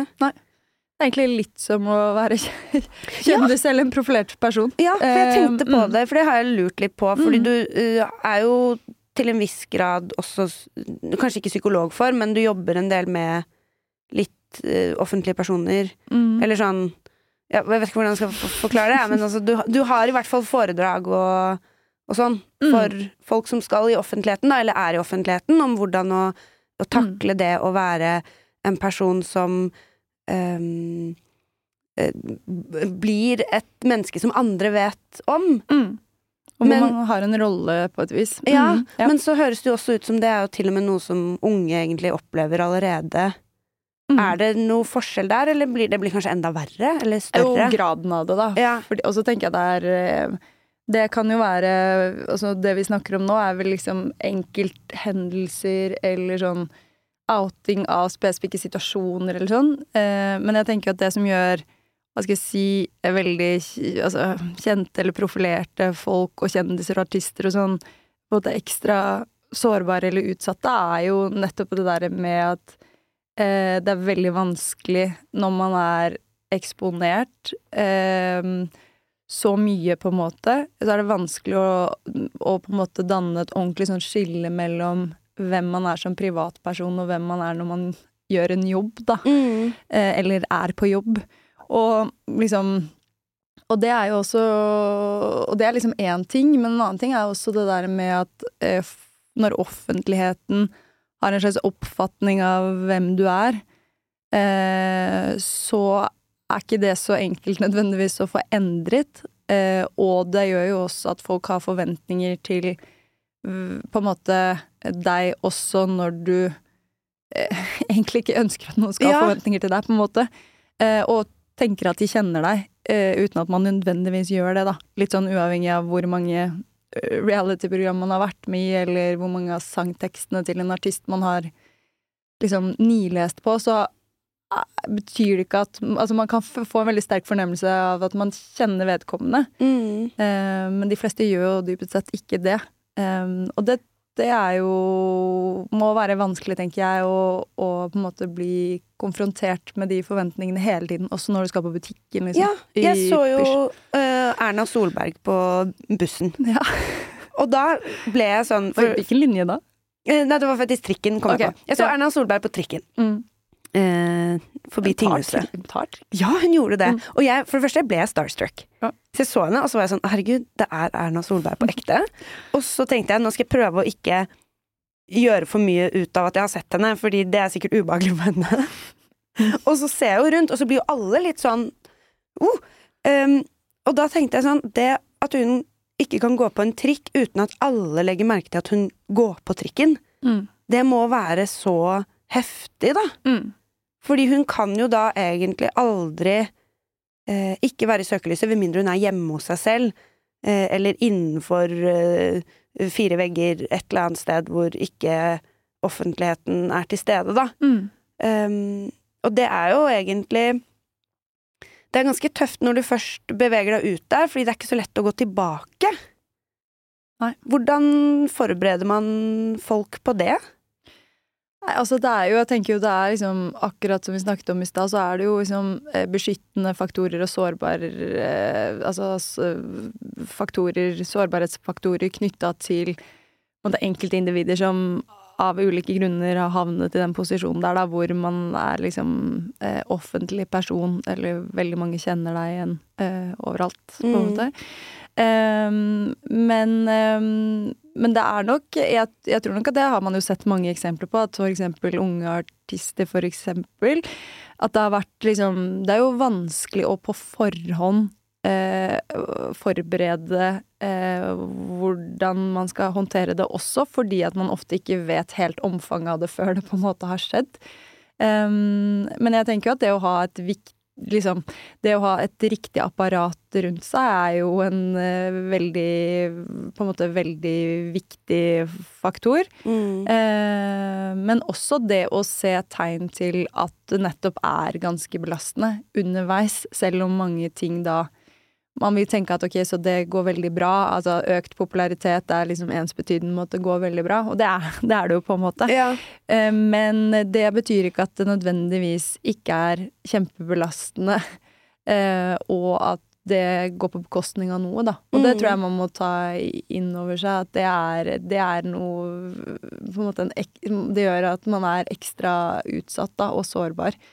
Um, og så er det jo sånn at, uh, at det er jo noe veldig sånn personlig En ting er jo en politiker som på en måte har et Selvfølgelig, det er også på en måte personlig i form av at det er liksom du som retoriker og sånn, men da, du har et Du har partifeller og liksom eh, et parti og et partiprogram. Du har liksom mye å støtte deg til, da. Og Mm. noe du kan, hva skal jeg si, vise til. Ja, du er faglig offentlig, på et Ja, vis. På en måte. Og så er det liksom sånn at eksempel artister som lager og skriver og fremfører egen musikk, liksom, de har jo en rigg, men de, det er jo i veldig stor grad de selv som utleveres på et vis, da. Mm. Og det tenker jeg jo også er sånn Ja, da, da blir det også ekstremt personlig hva folk mener, ikke bare om deg, på en måte, Nei. men musikken din eller det du lager, da. Mm. Eh, og, da, og da igjen det skillet mellom hva som er deg, og hva som er jobben du gjør. Hvis du har skrevet og produsert og liksom fremført en låt, så er jo det i stor grad en gjenspeiling av hvem du er, da. Ja. Så ja. Så um, Det er veldig rart. Jeg uh, har jo uh, uh, ikke som komiker, men som soppsakkyndig, fått en litt sånn stor following på Instagram. Ja, sant. ja, som kom litt brått i sommer. um, og det er en sånn ting som jeg ikke har tenkt over at gjør at folk faktisk kjenner igjen fjeset mitt. Mm. Jeg opplevde jo det at det var noen som sa 'du, jeg følger soppkontoen din'. Sånn helt random. Det var veldig hyggelig. Men høres eh, koselig ut. ja, det var, det var, Soppkontoen din. Ja, ja, det var kjempehyggelig. Men det som var rart, var jo sånn når jeg går i skogen, for eksempel, da, hvor Mm. det også kanskje er mest naturlig å kjenne meg igjen, eh, så er jo jeg på en måte on a mission. Ja. Så jeg vil jo helst gå i fred òg. Ja. Eh, Mm. og da eh, Det var en helt annen situasjon, da, men da eh, kom jeg og en venninne i snakk med en dame. Og jeg var veldig lite interessert i å prate da, for jeg ville plukkes opp. Mm. Enkelt og greit. Mm. Eh, og så går jeg videre mens hun prater ferdig, og så innser jeg plutselig etterpå bare sånn Oi, men det er ikke sikkert jeg på en måte kan fortsette å være så i hermetegn avvisende Mm. uten at noen tenker åh, det var hun eh, soppdama som ikke engang ville snakke med meg her i skogen. Altså sånn, plutselig så begynner jeg å måtte analysere oppførselen min fordi eh, jeg har eh, på en måte flyttet grensene for hva som er privat for meg, da. Mm. Ved at jeg også trer litt inn i offentligheten, så er plutselig ikke de um, områdene hvor jeg vanligvis har kunnet gå helt i fred, lenger en plass hvor jeg kan gå helt i fred. Mm. Og det er jo ikke så lett å forstå før Det har skjedd. Ja. Mm. Nei. Og tenk deg hvis det hadde vært sånn alle steder. Altså plutselig, Mm. ikke sant. Det er jo det som er realiteten for en del veldig kjente folk. At ja, og særlig når de er unge òg, fordi man eh, kanskje det er jo mye ut ja. Ja, og så deler man kanskje enda større Mm. del av det. da En ting er liksom låtene og sånn, men kanskje man også deler sånn Nå sitter jeg og skriver her. Mm. ehm, eh, ta, Bli med meg hjem, da. Altså, kanskje man synger låter fra rommet sitt, for alt jeg vet. Sånn at eh, du, du inviterer de så veldig langt inn i privatlivet, Mm. og så plutselig så har du 100 000 som bryr seg, da. Mm. Og som tenker at de kjenner deg, ikke sant. Godt. Mm. Og da, da Da også plutselig så er man på en måte i en situasjon som akkurat du beskriver, da, hvor man er et menneske som på en måte Ja, on a mission, og hvor man ikke er så hypp på sosial interaksjon, liksom, med Ja. folk man ikke kjenner. Og da er det jo, ikke sant Det er jo akkurat det der som må være så vanskelig, det er å hele tiden eh, balansere det Hva skal jeg si, du sa jo noe om en sånn form for ansvar man liksom selv har skapt om å respondere til de som følger en, eller som er opptatt av en, eller som støtter en, på en måte. ja. Og det som handler om nettopp selvivaretakelse eller grensesetting, fordi man er helt avhengig, uavhengig av hvor kjent man er, på en måte, så er man avhengig av å ha noen form for eh, grenser for hva som kan forventes av en. Mm. Og jeg tenker det er liksom Det er umenneskelig at man skal eh, være interessert i sosial kontakt med andre folk til enhver tid. Mm. Eh, nesten uansett. Hva er en god taktikk, da? For, for, en god taktikk for hva? Jeg vet ikke, sånn, Kall det hyggelig avvisning, da. Eller sånn, jeg husker en gang jeg gikk eh, Det er mange år siden nå.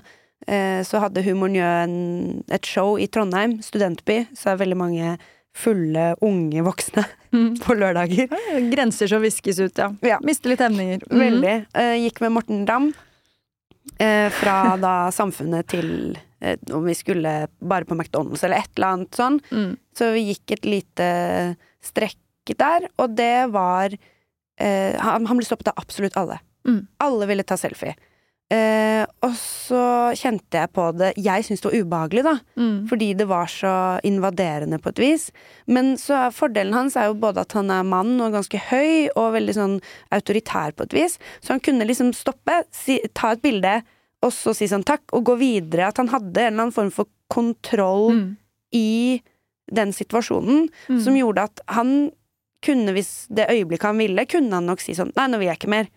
Eller nei, nå har jeg tatt for mange bilder. Og så ville de respektert det på et vis. Han, Mm. Det opplevdes veldig som han hadde en sånn god taktikk i det. Mens Mm. for meg føltes det jo veldig eh, sjokkerende å være vitne til, fordi jeg er jo ikke vant til den responsen i det hele tatt. Mm.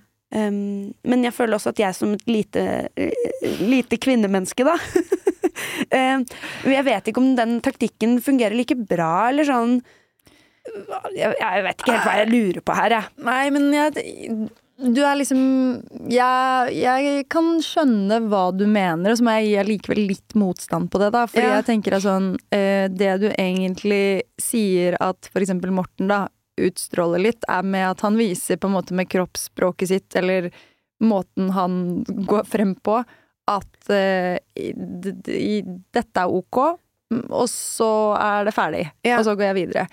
Og jeg tror det er jo noe man må øve seg på. Jeg tror det er veldig viktig å øve seg på. Og også bli liksom komfortabel selv med måten man gjør det på. Eh, men jeg tror det er noe som definitivt er mulig å oppnå, selv om eh, Man er et lite kvinnemenneske. ja, det er jo garantert Lite kvinner. ja, det, Det klinger ikke godt i mine ører. altså. Nei, nei, det var bare det jeg følte at hadde um, det er mange- illustrert han som så høy Ja, og, og Det er veldig mange veldig høye, svære komikere. Ja. Jeg synes det er veldig Ja. De ja mm. Mm. Jeg ser jo ofte når jeg har sånn eh, Hvis det er et bilde av for eksempel, Nå har alle komikerne vært på scenen, og så står jeg og ser jeg bare sånn Er jeg så liten? Er jeg veldig liten? Nei, det er de som er veldig svære og Ja. Ja. Eh, Men det er jo garantert masse uh, unge artister som er små. som må sette opp den muren, de òg. Ja, absolutt. Store og, store og små. Ja. men det det er et eller annet Jeg vet ikke hva det er, men det er den, den følelsen av at um, når du er litt høy, Mm. så kan du på en måte det, Jeg vet ikke hva det er, det bare føles som at du, du drukner ikke i folkemengden, da. At hvis de kommer løpende mot deg, så står du på en måte litt over de, og så kan du måte bare bevege deg ut. Mm. Mens hvis du er liten, så er det liksom akkurat som du blir slukt av Mm. massene på en annen måte. Men da må man kanskje være enda tydeligere Ja. i hva man signaliserer. Og, og jeg tror sånn derre idet man blir usikker på hvordan man fremstår, noe som er helt naturlig, men som er det som skjedde i skogen for deg, da, Ja. på oss opptur, at du blir sånn selvbevisst på en måte rundt Blir jeg oppfattet på en måte nå som ikke er så hyggelig, på en måte, Ja. eh, så er det jo litt det, er, det gjenspeiles også i atferden, på en måte, eller, Ja. eller hvordan man fremstår. Så det er jo på en måte det litt sånn mentale man kanskje må jobbe med. At man må på en måte eh, Vi har snakket litt om at unge folk generelt må akseptere også liksom vanskelige, vonde følelser, og at ikke alle kommer til å like en. Og det Mm. er jo på en måte noe av det samme Ja. man kanskje må øve seg på. At eh, man vil aldri, eh, som en som blir gjenkjent overalt, ha 100% kontroll over eh, de oppfatningene folk har om deg. Fordi Mm. det er så mange folk som mener noe. Og man er, ikke, man er ikke i stand Jeg tror ingen er i stand til å på en måte alltid eh, vise seg fra sin beste side, eller klare å ha kapasitet til å respondere hyggeligst, på, på hyggeligste vis alltid, liksom. Mm. Um, særlig ikke når man gjør ting som er noe som oppleves som avslappende eller et fristed, eller um, Eller sånn, da. Mm. Så Men noen eh, får det jo til, liksom. Og, og klarer å se liksom de Altså de positive tingene ved det, og altså Ja. Ja. Folk er jo forskjellige òg. Ja, for hva er liksom Hva er en eh, en, en Dette er et veldig spørsmål som du sikkert ikke har lyst til å svare på, men jeg prøver. Um, hva er på en måte en god syke?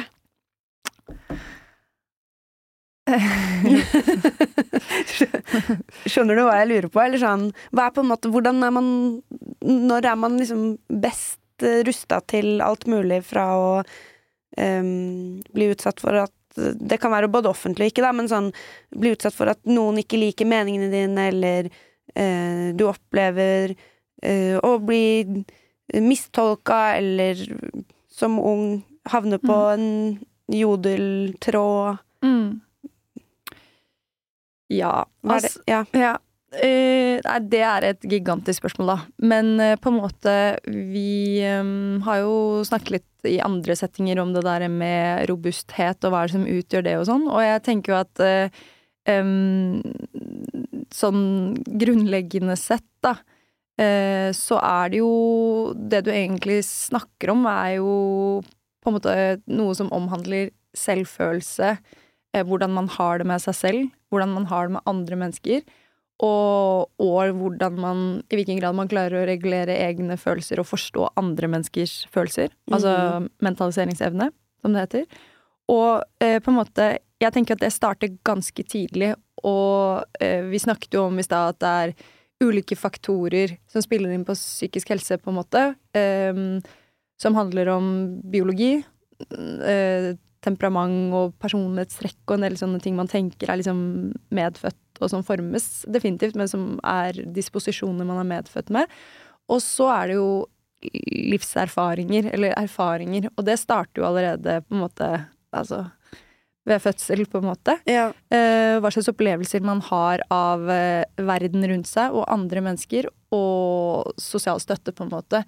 Og jeg tror at det der med sånn å ha en Hvis man grunn... Hvis, hvis man som barn opplevde, hva skal jeg si, sånn grunnleggende trygghet eh, og tilknytning, at man hadde liksom At man har hatt sånn emosjonelt tilgjengelige eh, voksenpersoner. Trenger jo ikke å være på en måte biologiske eh, foreldre på et vis. Eh, og har et sånt felles fokus, så får man jo en opplevelse av at man er noe verdt, og at verden er trygg, og en del sånne ting. Og det er jo veldig beskyttende på en måte for eh, psykisk helse, da. Mm. Um, og det ser man jo har en del å si. Og så er det jo det på en måte i hvilken grad uh, man er uh, vant til at det er prosess eller resultat på et vis som er det viktigste. Der ser jeg jo store forskjeller altså, blant foreldre i hvor fokuset ligger på en måte når det gjelder barna deres eller ungdommene deres. Eksempelvis det, å tegne er bra versus tegningen din skal bli bra, liksom. Ja, ja for, Som- for eksempel Veldig for banalt, eksempel, men- du, ja, Hvis man har tegnet en tegning, da, hvis Mm. barn har tegnet en tegning, og istedenfor på en måte at man har et fokus på, eller at man sier sånn øh, 'du var flink', at man utforsker på en måte eh, kanskje mer eh, Hva synes du om det? Hvordan syns du det gikk? Ja. Fortell meg mer om tegningen din. Mm. Eh, på en måte, hvor fikk du den ideen fra? Som jo er mer noe som handler om eh, prosessen de har vært gjennom, fremfor resultatet som er at de har vært flinke som har tegna, på en måte. ja. Og det betyr ikke at det er feil å si flink. Altså sånn, jeg vet at det er mange som har Det er sånn Ja, det er fagråd hvor jeg ble sånn når jeg ble mor selv, bare tenkte sånn Å, det, vær snill, bare ikke si at jeg ikke får lov å si at barnet mitt er flink, for det, det kommer jeg til å si. Og det, jeg tror ikke det er feil. Barnet mitt er så flink. Barnet mitt kaster som en toåring, og hun er bare ett år. Barnet ditt er best. ja. Så det, jeg sier ikke at det er feil, men jeg, men jeg tror det er allikevel noe i det der, da.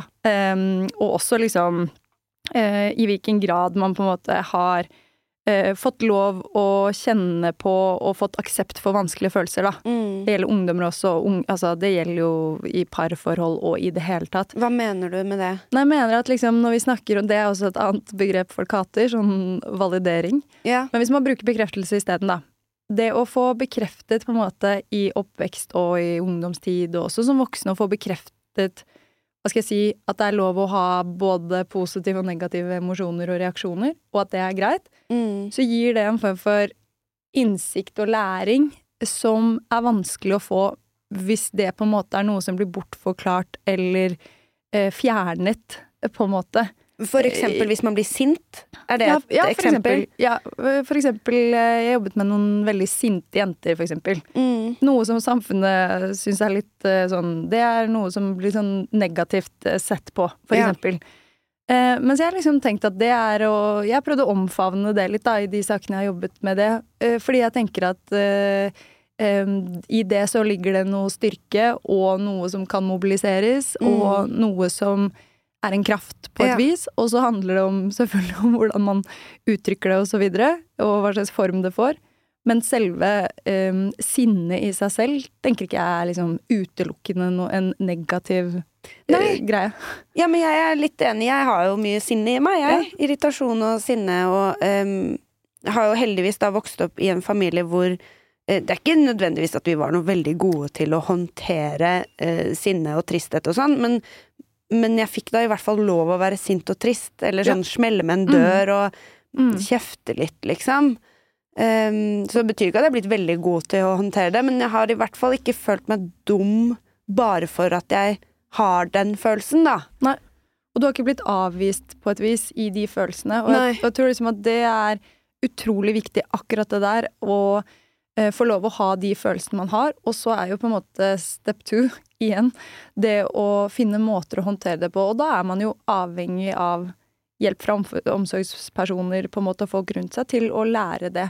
Og det er liksom, når man snakker om sånn øh, Hvorfor ung, ungdommer ikke unge folk klarer å håndtere vanskelige ting og sånn, så tenker jeg noen ganger at noe av det handler også om at eh, idet man ser at barnet eller ungdommen sin har det vanskelig, og det er ungdomstid er vanskelig, på en måte, Ja. Eh, så skaper det et ubehag, selvfølgelig, liksom. Og da ønsker man å fjerne det. Altså Man ønsker å fjerne de utfordringene og de vanskene hos ungdommen sin, eh, fordi man er så glad i dem. Mm. Og, og, da, og da får de ikke den erfaringen med å finne ut av de følelsene, eller finne en løsning, eller å få det bedre på et vis. Eh, og det er litt sånn da, Det er litt sånn hemmende, tenker jeg. Em, selv om det er veldig forståelig at Ja. uh, det er noe man uh, Som er liksom, kjennes ut som veldig nærliggende å gjøre, da. Hva skjer uh, med de ungdommene som ikke lærer det, da?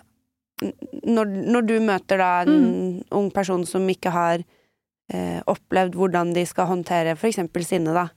Hvordan utarter det seg når du Mm. møter dem? Hva har liksom skjedd? Nei, det kan jo for det første komme som et veldig sånn sjokk, da, når det plutselig kommer til uttrykk. Og hvis sinne ikke er noe det har vært aksept for å kjenne på, eller man ikke har, noen gang har sett foreldrene sine sinte og sett at det kan gå over, og ikke har erfart det selv, så kan man jo oppleve ganske stor sånn Man kan bli sjokka, men man kan også oppleve liksom skam for at man har de følelsene. Det gjelder jo ikke bare sinne, men liksom alle følelser.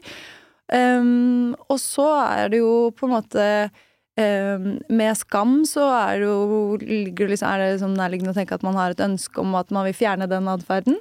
Eh, og, og da er det jo liksom Da er det jo på en måte Ja, det er jo to måter, da, det ofte foregår på. Og det er jo liksom enten at eh, man undertrykker det, på en måte, eh, eller at eh, og, og ikke, at det ikke får noe utløp. Eller så kan det jo komme til utløp på litt sånn andre eh, måter, som ikke er aggresjon, men som kan være ganske selvdestruktive eller skadelige for en selv, da. Mm. Kan det Um, være eksempel selvskading eller drikke for mye eller For eksempel. Ja. Og det er eh, en måte å håndtere noe på, og det tenker jeg også sånn og All sånn på en måte eh, skadelig atferd og sånn, tenker jeg sånn Det er som regel en måte å prøve å ta kontroll over noe man føler at man ikke kan kontrollere, og, og det, er, det er det er en mestringsstrategi man prøver seg på. Og så fins det gode og mindre gode mestringsstrategier, men det er en måte å cope. Mm. Og det er også litt sånn underkommunisert, tenker jeg, noen ganger. Det gjelder også på en måte hvis man har opplevd traumer eller store belastninger eller sånn.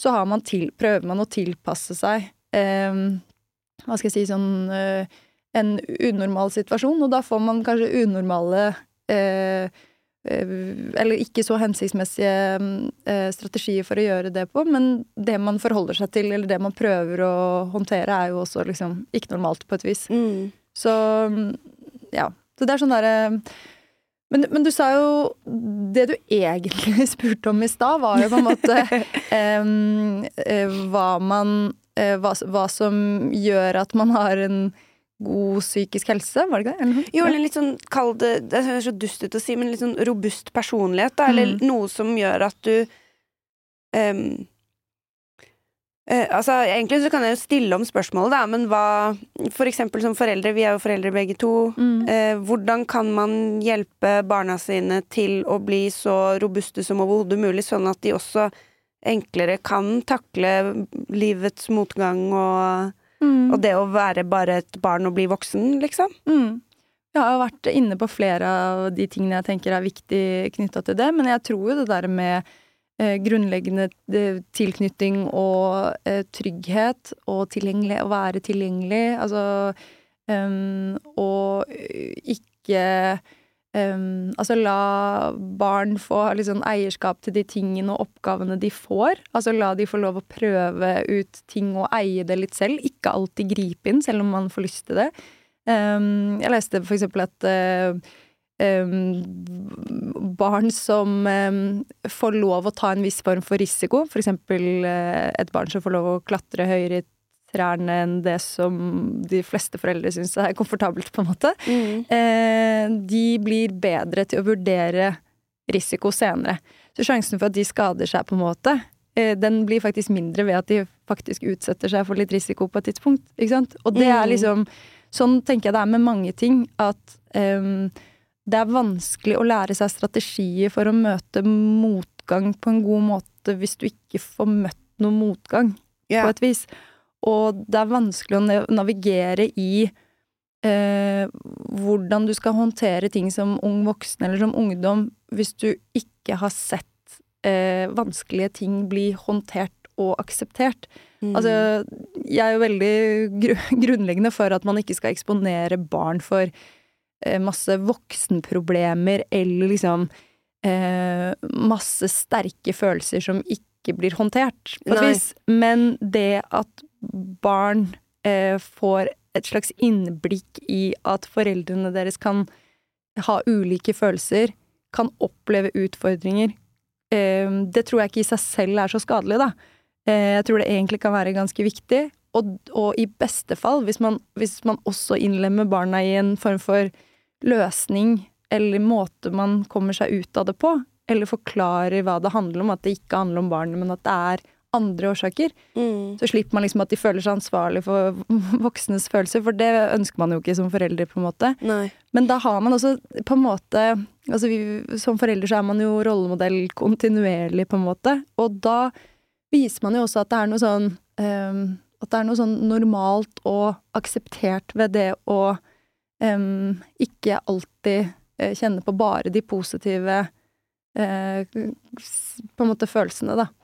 Så det er nok en litt sånn Det har jo vært en stor endring i hvordan man I hvilken plass på en måte barns uh, følelser og behov har. Uh, og så er det majoriteten av det, mener jeg, på en måte veldig positivt. Men akkurat det der igjen har en, kan ha en sånn slagside, da, hvor det blir at man skjermer barn for for mye menneske, fra liksom Ja. menneskelighet, da. Eh, og at man da gjør de mindre i stand til å, å hva skal jeg si um, gjenkjenne det og akseptere det og ha tro på at det fins løsninger, da. Men det kan jeg veldig skjønne. Ja, du skjønner hva jeg mener? Ja, ja, ja, for Ja. Hvis, du, hvis du har vokst opp eh, i et eh, hjem hvor eh, ta, Jeg syns sinne er veldig enkelt, fordi det også er en av de følelsene som det ligger mye skam i Mm. samfunnet på. Da. Det å bli sint, enten som dame eller som mann òg. At det ofte oppleves som aggresjon, og at det er veldig hardt og skummelt. Mm. Og selvfølgelig, det er snakk om sinne i i Altså, ikke vold, det er ikke det jeg snakker om. Men det å bli sint for noe, da. Ja. Um, Aktivert på sint. ja. Ja. Hvis du Mm. aldri har opplevd det uh, rundt deg, men så plutselig opplever du det inni deg, og så har du egentlig aldri sett den følelsen noe sted, så skjønner jeg jo at det er veldig fort gjort å tenke at det må være noe feil. Mm. Fordi denne følelsen fins jo ikke, så hvorfor fins den plutselig inni meg? Mm. Og hva skal jeg gjøre med den? Ja, Det finnes ikke noen måte for meg å håndtere den på. For vi speiler oss gjennom andre, og det er sånn vi lærer. Så, så akkurat, det er akkurat det jeg mener, og det er noe som kommer til uttrykk blant en del unge som jeg tenker er litt bekymringsverdig. Og Ja. da tenker jeg at viktigste jeg kan bidra med, er å vise dem og hjelpe dem med å se at de har noen ressurser i seg, Mm. eh, på en måte, som kan mobiliseres, og som de kan bruke eh, til å få det bedre, komme seg videre, lære noe, ja. og så videre. Ja. Åh, så bra. Ah, du er så kuling, Johanne. Zero. Ja, takk, takk, takk. Um, jeg føler at vi liksom Kul. Jeg følte meg sånn antikul når man gir sånn eh, parenting-råd når man er eh, forelder selv. Så føler jeg man sitter sånn enormt i glasshus. Jo, men det er, Ja, det er sant. Jo, men det er jo sånn. Jeg, I den spesialiseringen så sitter jeg og har sånn liksom sitter i timevis på en måte og, og observerer og skal lære liksom hvordan møte en toårings følelser, og så kommer jeg hjem, og så har jeg liksom null overskudd til Du har en toåring hjemme ja, som du skal jeg, møte følelsene til. ja. Og en del andre folk også der Ja. hjemme som uh, har følelser man skal møte. Nei, men jeg kan liksom kjenne på at det er sånn uh, Ja, det er noen ganger et lite stykke fra, hva skal jeg si, sånn uh, Hvordan man selv privat praktiserer ting, og hva som er ideal, og det man tenker Ja. er standard for å gjøre ting, da. Men Så- det at du ikke alltid klarer å nå opp til egen standard, betyr jo ikke at ikke du har masse gode verktøy som du kan lære bort. Det er det jeg tenker. At uh, Jeg eh, håpe. Ja, ja, men og nå fikk jeg sånt kjempebra bilde i hodet av ADHD-en. Men sånn uh, Hvis du har en hammer, da, så kan du låne bort den til folk, og så kan de bruke den. Mm. Men det betyr jo ikke at du alltid slår spikeren på huet selv. Ikke sant? Du kan slå feil med hammeren din, men du har hammeren. Godt. Godt. Fader, ja. Det er tittel. Det er noe jeg må få lov å bruke med pasienter. Ja, men, det er jo litt det. Det er jo en verktøykasse Mm. som du gir eh, folk tilgang til. Mm. Og så er det jo på en måte Prøver man etter beste evne å benytte seg av den selv. Ja. Mm. Mm. Rett og slett. Um, jeg vet ikke, jeg føler liksom at vi har veldig mye bra her. Jeg. Har du Kjapt, noe lyst til, er det noe du har lyst til å liksom. snakke om? Har ikke, vi har vært igjennom Vi har vært igjennom litt. Herregud, klokka er jo ti på halv tre. Nei, er den? Å shit, jeg følte vi har snakket sånn 30 minutter. Noe. Nei, jeg tror vi har nå kan du bare slå deg løs. Her er det Åh, litt av hvert. ja, ja, nei, jeg tror vi skal eh, Jeg tror faktisk vi må gi oss. Du må heller komme tilbake. Så må vi snakke masse om andre ting. Det er alltid spennende å snakke med deg. Eh, tusen takk for at du kom og var gjest i podkasten. Inge Johanne Nå skal jeg si det riktig. Ok, Ok, jeg har det nå. Tusen takk for Tusen takk for at du kom i podkasten. Inge Johanne Borch Rove. Tusen takk for at jeg fikk komme med det. Veldig hyggelig. Jeg gleder meg til å se eh, hvordan du um, Vet du hva, dette kommer jeg ikke videre på. til, alle som hører på, eh, trykk lik og følg og alt sånn, og um, kommenter hva dere syns, og så videre og så videre. Vi tåler det. Ja, vi tåler det. ha det fint.